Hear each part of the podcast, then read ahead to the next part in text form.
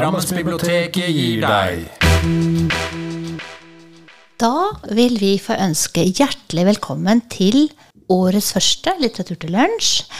Og vi, det er da Runar, og så er det meg som heter Britt. Så da er det Runar først. Jeg skal prate litt om en bok som heter 'Hjertet i to', av Johan Shanmugaratnam.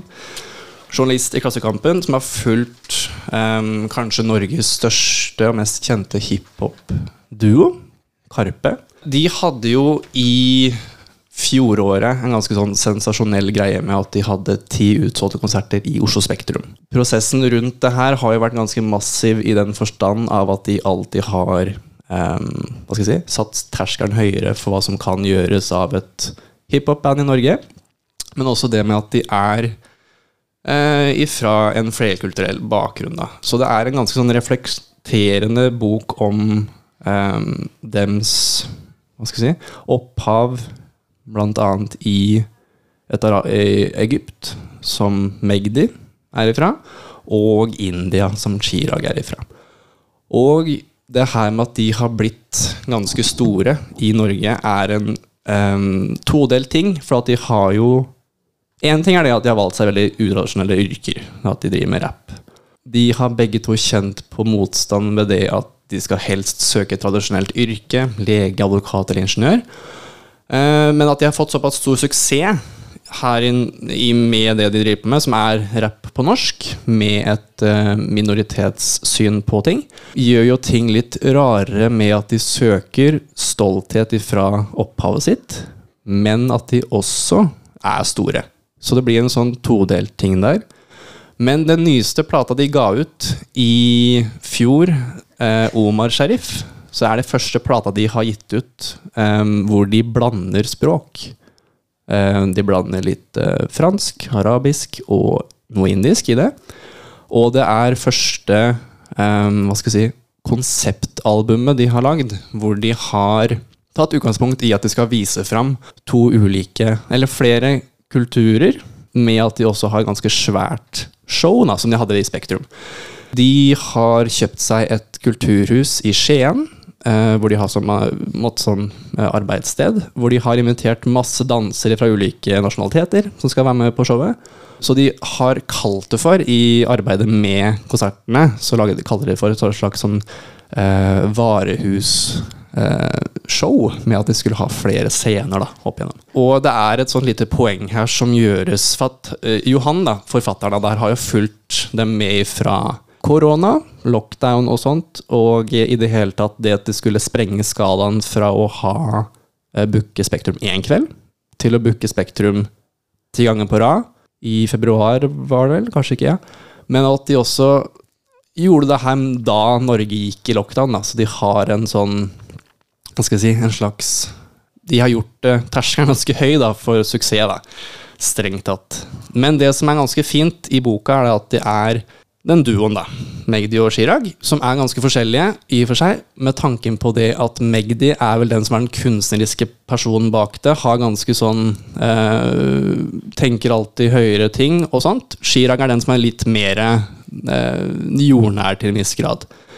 Men så er det noe sånn at Magdi er bosatt i Nittedal sammen med eh, sin eh, kone Oda pluss barn og kjenner på en ganske sånn norsk tilværelse, i tillegg til at han har en norsk mor og en utenlandsk eller en egyptisk far. Chirag han er derimot eh, fullt Og nå brukte jeg, gå, uh, nå brukte jeg hermetegn for de som hører på. Eh, fullt ut uh, indisk. Og det er noe med det at en av låtene fra albumet, dette Kenya, så er det en drøm som Chirag har hatt ganske lenge, med at han liksom kan stå på en scene i Mumbai og synge låten deres på norsk, og at de ser um, et publikum som ligner på dem, tanke på ja, etnisitet, uh, og at de forstår den følelsen av å ha et hjerte som er delt i to, med at de kan kjenne på det her med at de ikke får uttrykt helt sitt følelsesspekter med tanke på det å være av utenlandsk opprinnelse i Norge, og alltid synger på norsk. Men det er jo ikke realiteten, fordi at de som naturligvis er i Mumbai og hører på de, får jo ikke skjønne eh, det norske språket. Og så er det da poeng da, med at, eh, som jeg skal sitere her nå Så kan noen si, da hvis det er så vanskelig å ikke bli forstått fullt ut, um, så er det bare å flytte til India og kanskje bare begynne å rappe på engelsk. Og i teorien så kunne Chirag gjort det. Kanskje det til og med hadde funka en periode, men han vet allerede nå at han ville vært enda mer fremmed der enn her. Og så vil andre si. Da er det bare å gjøre sitt beste for å akseptere den tilværelsen han har her, og heller sette et større pris på at han kan gå på scenen og gjøre noe både han og folk elsker. Men det endrer ikke noe, for hjertet hans er fortsatt delt i to. For det er jo en veldig Nå skal jeg starte med, jeg prater mye. Men for det er en veldig ironisk ting med at de kan gå på en scene i en nyetablert festival i Trondheim til fulle, full sal og styr, og liksom sprenge skalaen på suksess og lyd og helt tatt. Sette seg på turnébuss etterpå og kjenne på en sånn Hvem forsto egentlig hva vi holdt på med? Det er en veldig sånn dualitet, da. Det, det er nå skal jeg nesten hatt sånn niendetrinns DKS. nå. Det er masse bilder her i tillegg, som gjør boka fin og lett å lese. Men så er det også De har jo blitt en institusjon, den gjengen der. Uh, så den er uh, veldig fin.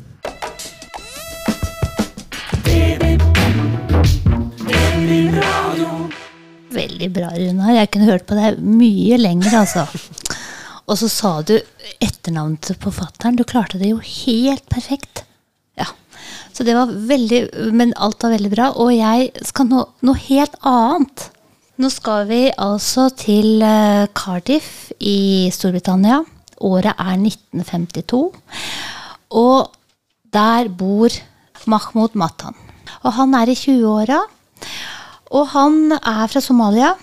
Og der i Cardiff i Storbritannia, dette er i 1952, kongen i Storbritannia akkurat død. Og da, på den tida så bodde det masse sjøfolk, og folk fra hele verden var samla i Cardiff. Bodde der med familiene sine.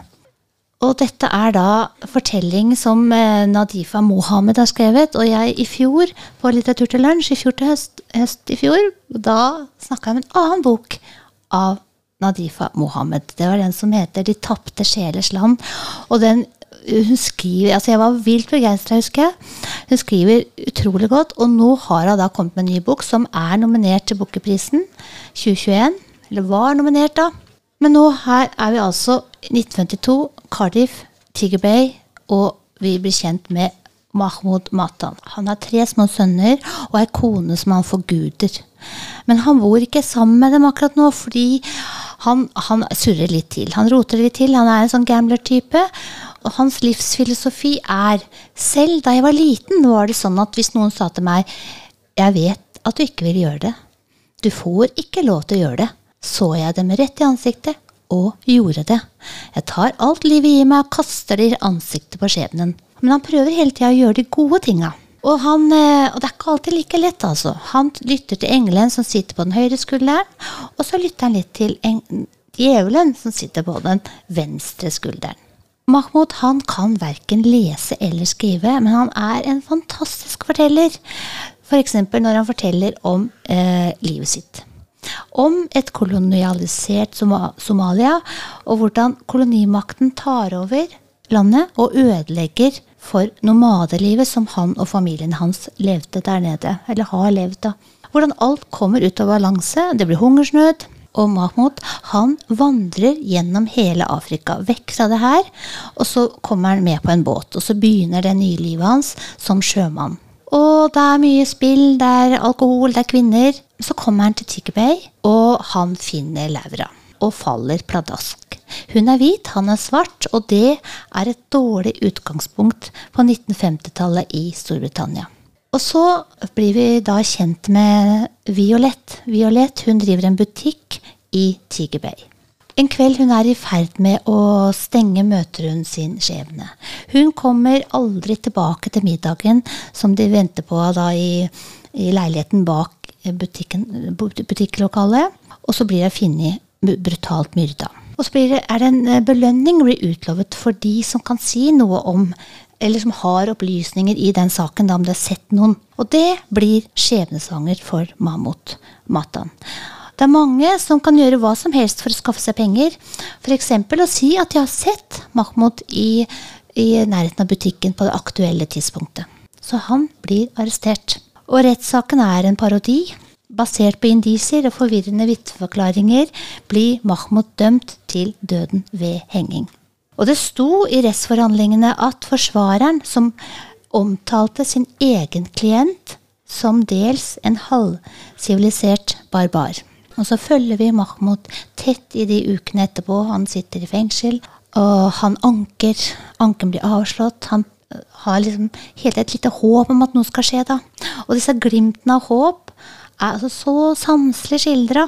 Det er sola han kjenner i ansiktet ute i fangegården, det er kråkene i treet, og det vesle håpet når en ny anke er kjent. Og så er det helt hjerteskjærende når han får besøk av kona og de tre små guttene sine. Og det er en glassvegg imellom de, og de får jo ikke klemme hverandre. Uh, og det er altså den derre store urettferdigheten i det her. Ingen vil forsvare Mohammed, for livet hans er kjøpt billig. Hadde han vært en hvit, ville han ikke blitt dømt til døden. Sånn er systemet. Å dømme noen fra livet er en uhyrlighet i seg sjøl. Usikkerheten rundt disse vitneforklaringene og den slette behandlingen Mahmoud blir uh, utsatt for, er grotesk. Og det mest groteske her, det er jo at dette er basert på en helt sann historie.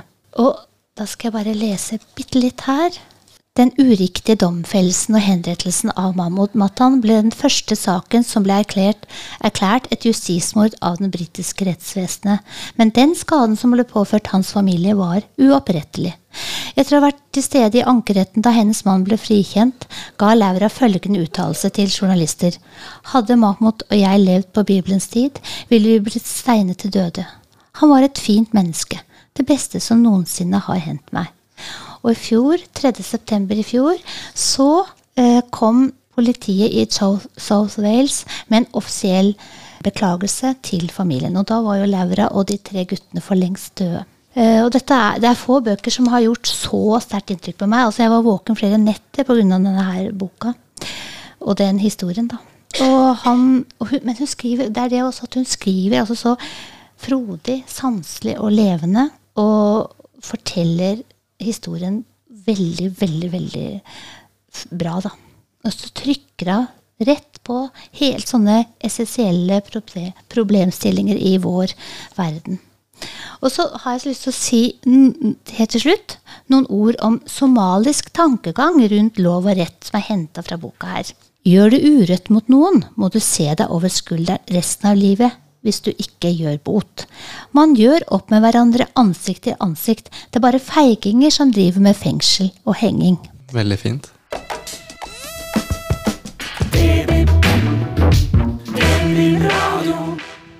Jeg har jo, som Britt påpekte i stad, så har ikke jeg med meg boka jeg skal prate om nå, for at den er utlånt. Så det er et godt tegn at den er utlånt, i og for seg. Det er bok nummer to av Sheshan Shakar, og skulle egentlig hatt den trilogien. Den, uh, det kaller meg Ulven egentlig, men det ble ikke sånn. Gul bok er et begrep som dreier seg om et kapittel i statsbudsjettet. Og det er en uferdig bit som skal bli gjort av en fyr som heter Mani i slutten av 20-åra. Som har fått seg jobb i uh, Utdanningsdepartementet, og som har kontorer i regjeringskvartalet.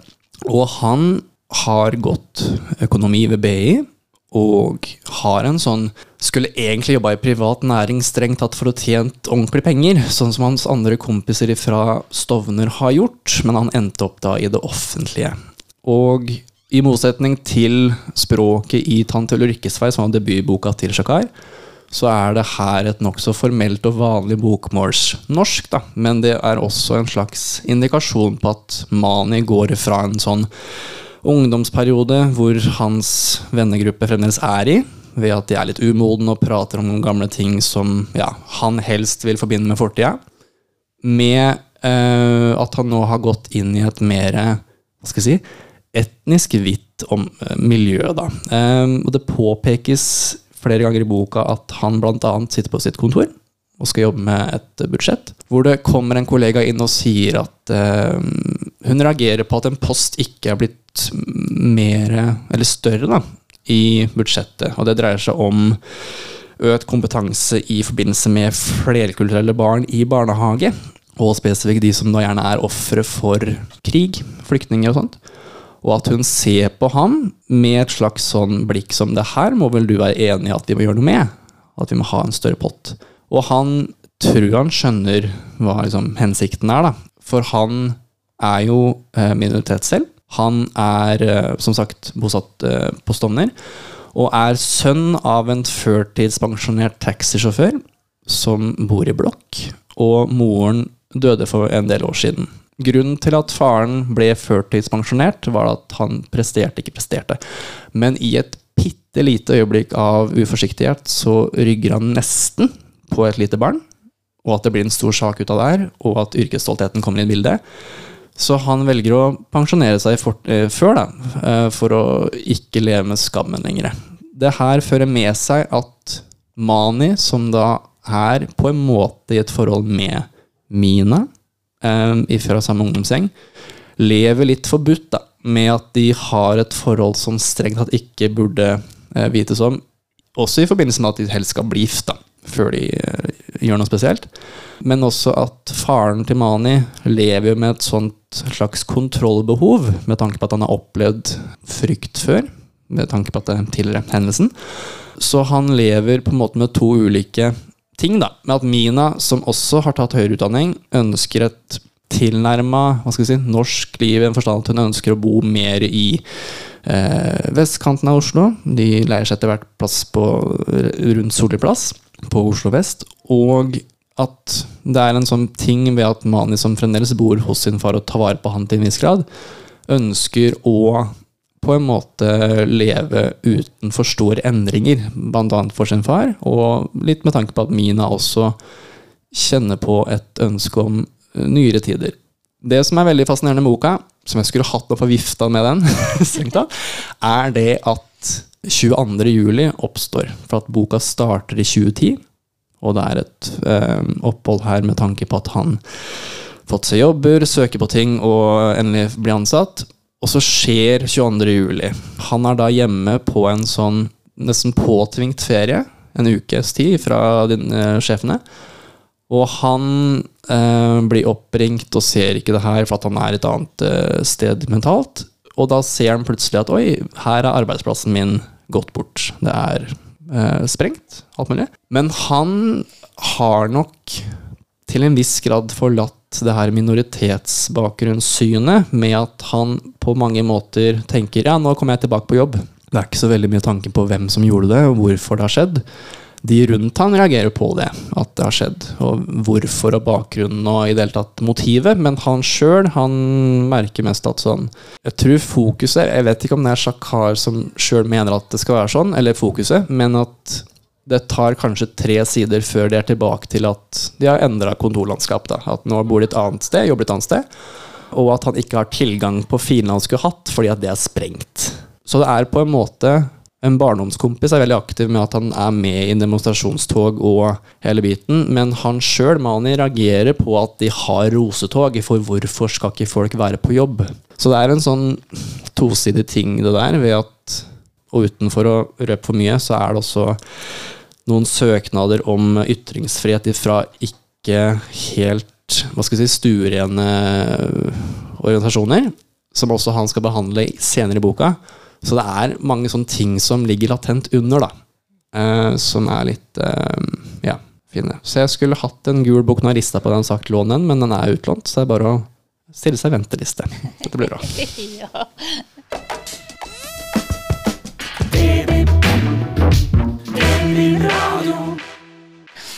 Det er bra at bøkene er lånt ut. Og så er det fantastisk at du forteller helt uten manus. Og jeg er ganske sånn bindet til manus, jeg er så redd for å glemme noe viktig. Men det nå skal jeg prøve litt, da. Ja, ja. Og nå, og nå reiser vi til Island. Og vi reiser jo til henne som jeg er så glad i. Jeg har lest alle bøkene hennes. Audur Ava Olavsdottir. Og jeg har boka også. Den heter 'Svaner blir ikke skilt'. Og her er det altså nyttårsaften. Det er um, like før et nytt år skal starte. Maria og mannen Floke de går ut på verandaen for å sprette champagneflaska. Da sier han det. Han vil skilles. Han er innmari lei seg. Men han har altså forelska seg i husvennen deres. Og det har pågått en stund. Så drar han bare til elskeren sin like før det nye året er i gang. Og Maria sitter tilbake i sjokk. Og, og sånn starter altså denne her nye fortellinga hennes. Og Olavsdottir syns jeg er en sånn mester i å lage fortellinger med karakterer som aldri er A4, og som man blir veldig lett begeistra for. Og det er liksom sånne fornøyelige bekjentskaper. Mennesker som gjerne hjelper hverandre. Det er gode naboer, og venner er det mange av. Eh, og så er det mye trøst i overraskelser. Folk som stikker innom, det kanskje tar med litt mat, litt godt å drikke. Og det er en høy og forunderlig himmel over det meste her, og det blir aldri kjedelig. I huset til Maria bor eh, Perla i kjellerleiligheten. Hun er, en, hun er kortvokst, og så er hun en sånn blanding av forfatterens sped. Hun driver med sånn litt ekteskapsrådgivning og er en liten sånn hobbypsykolog. Og hun trår til med en gang når hun får høre om Marias ekteskapsproblemer.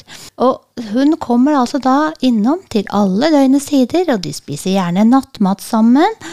Og hun har altså så mye gode råd å komme med full av visdomsord, og så et av de er da, går så her. En kvinne som kan lage tiramisu, kommer ikke til å være alene lenge. Så vet vi det. Og Perla hun tror det er bedre å være skilsmissebarn enn enslig dverg med to barn, eller dverg og homse fra to minoritetsgrupper samtidig. Gud bedre. Perla er et menneske som snakker mye og gjerne, og hun og Maria snakker gjerne litt sånn forbi hverandre, men de utvikler et unikt vennskap. I nabohuset bak ripsbuskene så bor han de kaller for Fuglegutten, for han er så Han veit så mye om fugler. Og han er tydelig betatt av Maria. Han måker gjerne snø for henne og finner stadig katten hennes som eh, stikker av, og ordner opp liksom litt, er stadig i nærheten. Og han kommer en dag for å låne en kopp, ikke sukker, men vaskepulver. Og så er det så mye altså, Hun klarer liksom å formidle at det er opp, midt oppi alt dette som er ganske trist og dramatisk, så, så, er det sånne lyse punkter, da. På første nyttårsdag henger Marie opp en henke ute i snøen og i kulda. De tar hun med seg tvillingene på to og et halvt år, og så ligger de der alle sammen oppi den hengekøya og ser opp på stjernene. Og da tenker Maria jeg er den eneste moren i gata her som kjenner til verdens skjønnhet på årets første dag.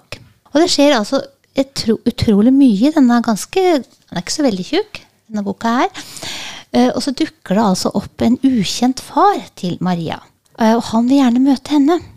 Og hun liker ham faktisk helt sånn umiddelbart. Så liker hun den mannen. Og de spiser breiflabb og har en koselig stund sammen. Men dagen etter blir han funnet død på hotellrommet. Og Maria er da enarving og arver alt hans jordiske gods og får ansvaret for å frakte asken hjem til Altså, han bor ikke på Island, han bor et annet land som aldri får vite hvor, men hun må reise helt dit for å spre asken. Og samtidig som dette skjer, så får hun brev om at eh, hun og mannen har stått i Om at barnet som hun og mannen har stått i adopsjonskø for i mange år, nå kan det hentes. Og hva gjør hun? Og det er altså Hun skriver utrolig sånn Det er veldig så mye impulsivt, det er frodig, godmodig, og så er det også dramatisk. Så er dette en fortelling om å bli fryktelig, fryktelig såra og skuffa, og så klare da å reise seg igjen. Og jeg syns liksom at eh, det er, det er, stadig sånne litt ville ting og koselige ting som skjer, og du har ikke lyst til at det skal slutte, for du vil henge med disse folka mer. Du må liksom være en del av den gjengen. For mulighetsrommene her er store, alt kan skje, og det er gjerne med glimt i øyet og latter i ermet. Så tusen takk til eh, Olavsdottir.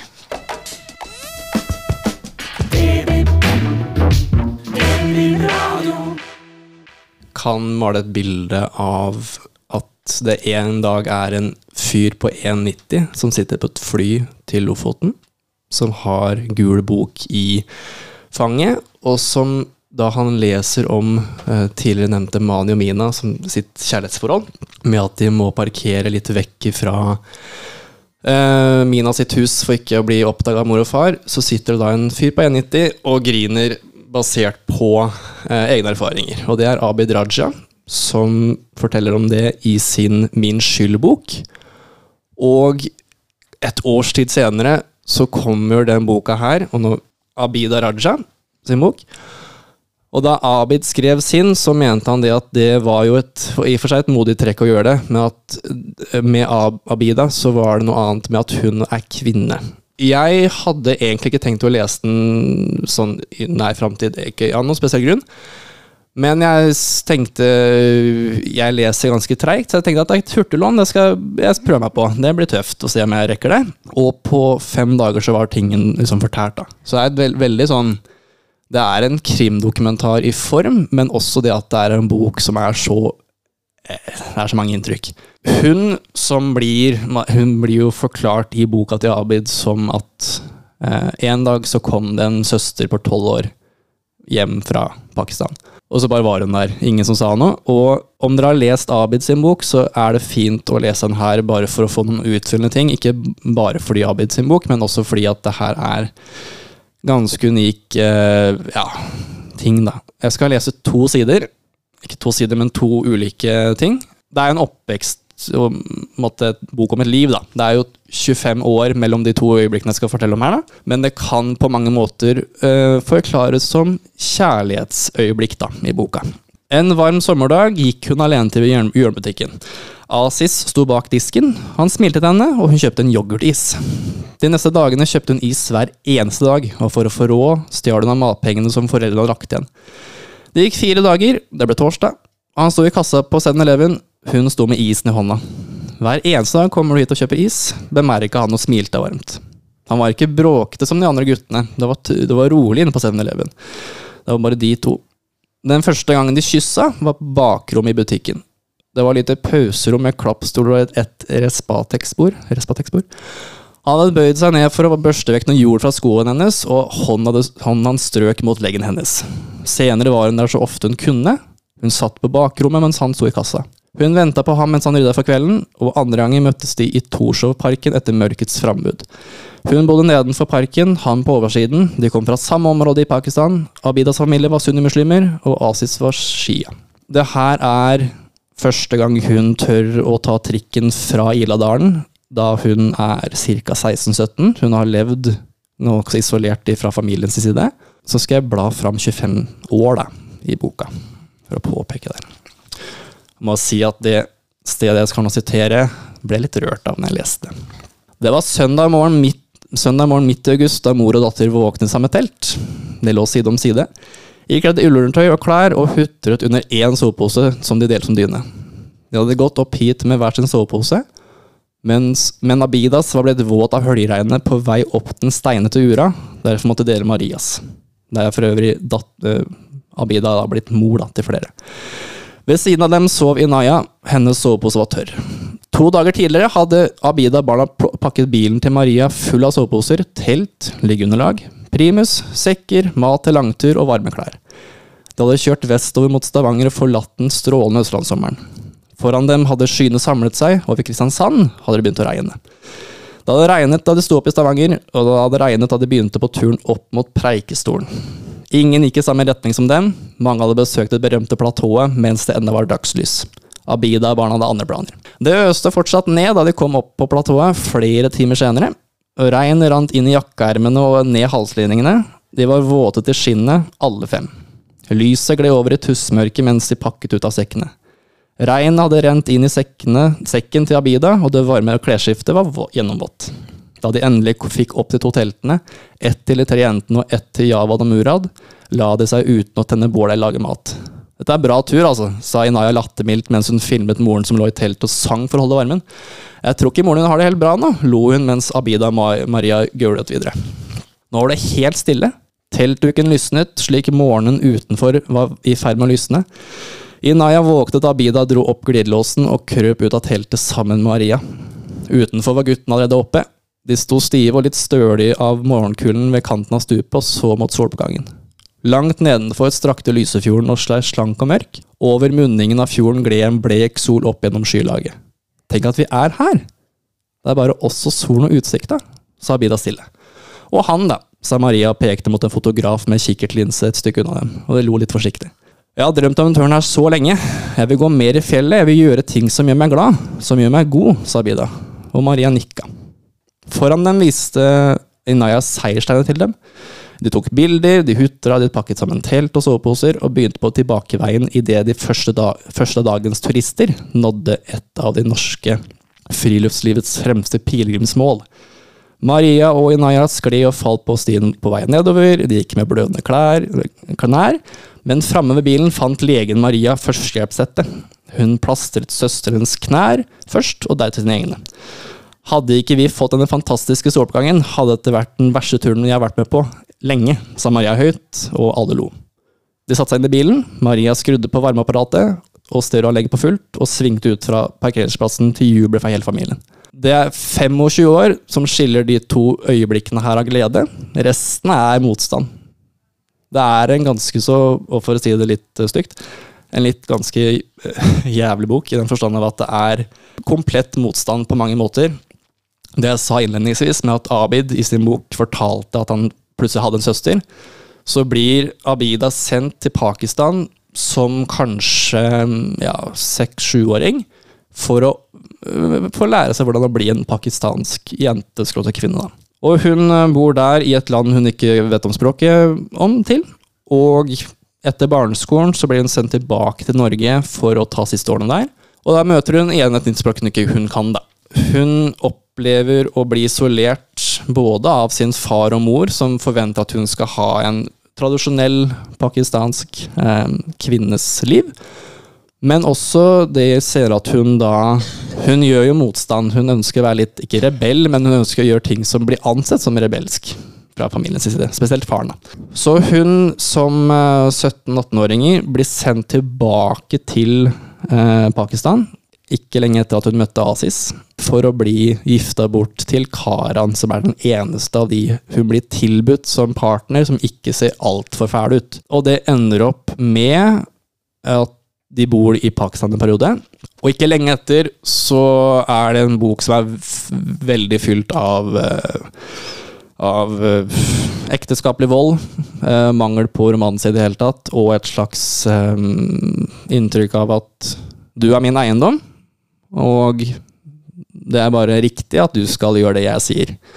Og det at hun i det hele tatt har en bror som skrev en lignende bok men som samtidig har hatt en ganske sånn Espen Askeladd-greie, med at han har fått ekstrem utdanning og den jobben han har.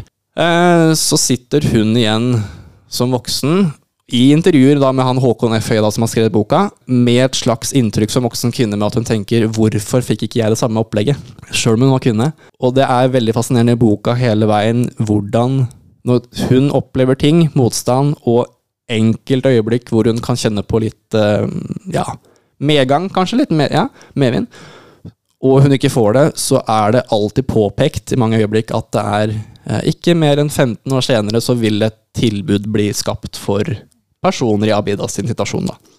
Blant annet et kriseteam for tvangsgiftede kvinner og menn, for så vidt, fra minoritetsbakgrunner. Så hun har blitt Det er jo et punkt i slutten av boka med et slags sånn eh, veien videre ting da, for denne generasjonen, med at hun gjerne er den glemte generasjonen med kvinner da, som har opplevd partnervold og i det hele tatt uh, ja, mye rart.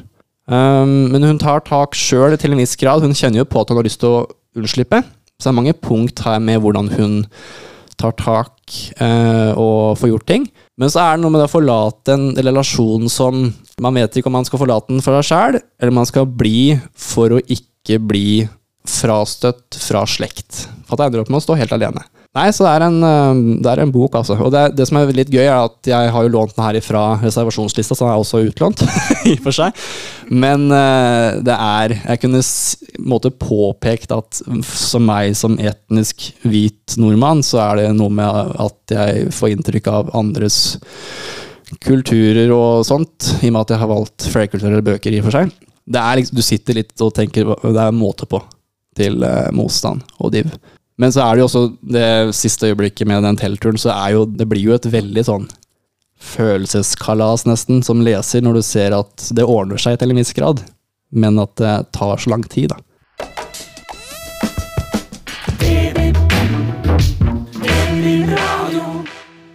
Bra, Runar. Og det ordner seg, som du pleier å si. Og vi, er, og vi er veldig flerkulturelle her i dag, altså fordi jeg har da med denne her 'Hvit norsk mann', dikt av Brynjulf Jung Kjønn. Han har jo vært på radio og TV og i aviser, jeg har lest og hørt mange intervjuer med han. Eh, Men jeg vil fortelle om den, selv om sikkert dere har hørt om den, fordi at dette er en diktsamling som virkelig slo meg, eller traff meg midt i solarpleksus. Dette er dikt som det er helt sånn rett fram og enkle å lese, men det klarer å bære denne her, og bære fram og gjør forståelig et viktig og sånn sterkt budskap, det der om den synlige og usynlige hverdagsrasismen. Og forfatteren han er jo adoptert fra Korea. Og det er ingen hemmelighet at denne, disse diktene er basert på hans egen eh, Eller de går tett på hans egen historie, da. En sein fredagskveld i april 1999 ble indisk adopterte Arve Beheim Karlsen jaga gjennom gatene i Sogndal. Vitner har senere fortalt at guttene som jaga ham, ropte 'drep han, drep den negeren'. Arve Beheim Karlsen ble senere funnet druknet i elva like ved. Og dette her er jo bakgrunnen for at denne diktsamlinga blei skrevet eh, da så mange år etterpå. Fordi eh, det er jo da 20 år siden det skjedde. Da var han eh, Brynjulf Jung Kjønn 18 år. Og han vokste opp i bygda, nabobygda til Sogndal. Og han, eh, han Før dette her skjedde, så kjente han seg trygg der. Men etter dette her skjedde, så forsvant den tryggheten, og han ble fysisk redd. Han kom da som treåring hele veien fra Sør-Korea til Norge, eh, til den vesle bygda Feios på Vestlandet. Han var blitt funnet på en togstasjon to år gammel, og så bodde han på et barnehjem før han kom hele veien til Norge. Og, og det er langt å reise fra Sør-Korea til en, en eh, Det er en liten gård da, på Vestlandet, der var det meninga han skulle bli odelsgutten der. Alt er totalt ukjent for ham, og han skjønner jo ikke språket engang. Og hva gjør det med et menneske? Hvilke spor setter det? Og så blir han oppkalt da etter farfaren sin. Hva ville farfar ha sagt hvis han visste at barnebarnet som blei oppkalla etter han, var en gul gutt? Og attpåtil så er det jo forventa at han skal, bli, han skal være odels... Han er odelsgutten, han er den eneste sønnen der. Men han tåler ikke melk og er allergisk for både høy og dyr. Og da skal jeg bare lese litt her. Jeg var en odelsgutt som skulle drive en gard. Som skulle vedlikeholde et fjøs og et hus, en garasje og ei seter, en traktor og en fòrhaustar. Som skulle stelle dyr og hauste gras, hogge tømmer og sende dyr til slakt, gå på hjortejakt og plukke bringebær, drikke mjølk og koke smalahoved. Men adoptivbarnet fikk det ikke til, og jeg blei noe heilt anna enn det jeg blei henta til. Jeg kjem egentlig fra garden som mangla arving. Jeg blei den jeg blei, av ættesaken. Og diktene til Kjønn de setter da fingeren rett på mange av de der ubetenksomme kommentarene som man kan komme med når man treffer på mennesker som ser eller er litt annerledes enn en sjøl. Den hverdagsrasismen som, som sniker seg rundt uh, hushjørnene og er en klam påminnelse om at vi har en del å jobbe med når det gjelder holdningene våre til mennesker som ikke ligner oss. Da leser jeg litt til her. Slutt å spørre hvor jeg egentlig kommer fra. Slutt å snakke engelsk til meg. Slutt å spørre om jeg kan kinesisk. Slutt å gjøre auga smalere med pekefingrene. Slutt å lage sketsjer om japanske gameshow. Slutt å snakke tullekinesisk når jeg er i samme rom. Slutt å rope Jackie Chant etter meg. Slutt å late som om du skal slåss karate. Slutt å rope skjellsord som kung flu, kinavirus, yellowface, guling, xing-chong, kinamann, Kinaekspressen, Risko, kokar, skippere, ling-ling. Slutt å måpe når du ser meg gå på ski. Slutt å stirre på meg når jeg går ut sammen med kona mi. Slutt, slutt, slutt.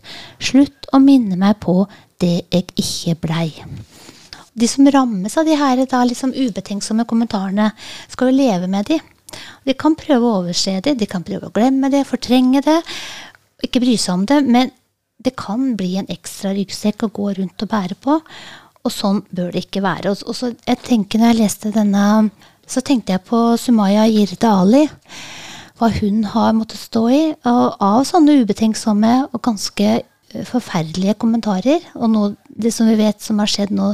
Og hun, hun, For noen år siden så måtte hun trekke seg fra alt, for hun orka ikke mer. Hun fikk så mye, mye sånn eh, sjikane. Og nå igjen så har hun trukket seg fra all offentlighet. og også som redaktør for det tidsskriftet hun var redaktør for. Og det er ulidelig trist, og sånn bør det ikke være. Ingen skal måtte føle seg utenfor eller stigmatisert. Vi vil jo alle være et vil jo bo i et sånn ekte inkluderende samfunn med åpenhet, tillit og raushet som de dominerende holdningene. Og, eh, så jeg har tenkt, etter å ha lest denne diktsamlinga, som gjorde altså så innmari inntrykk på meg, så den her bør jo i hvert fall bli pensum på videregående, og kanskje andre skoler også. Og den bør da leses høyt fra Stortingets talerstol. Og så kan jeg si, lese litt til slutt her. Først så tar jeg det som står bak her. Hva vil du bli når du blir stor? Jeg vil bli en hvit norsk mann. Og så tar jeg det her. Jeg har ingen heltehistorier å gi til mine barn. Jeg har ikke søkt tilflukt fra soldater og bomber. Jeg har ikke måttet forlate landet mitt fordi jeg tror på feil gud. Jeg kom ikke hit på en overfylt båt. Jeg kom hit som ei postpakke men uten garanti. Angrerett og returskjema. Jeg har ingen heltehistorie å gi til mine barn, men jeg har en dose med allergier og identitetskriser, flat nese og skeive og smale øyne, og jeg har denne boka å gi.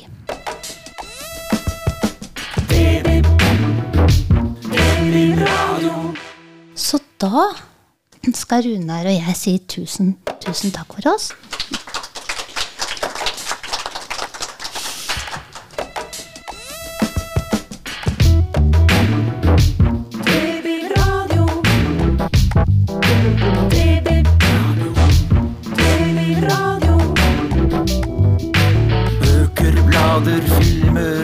Aviser. Bilder, data, spill, musikk og nett. TV, radio. Myldring, lesing, leking og læring. Utstilling, turnering og kultur. TV, TV, radio. TV, radio. Foredrag, kurs, seminar, debatter. Konserter, teater og lek. Drammensbiblioteket gir deg blir Radio.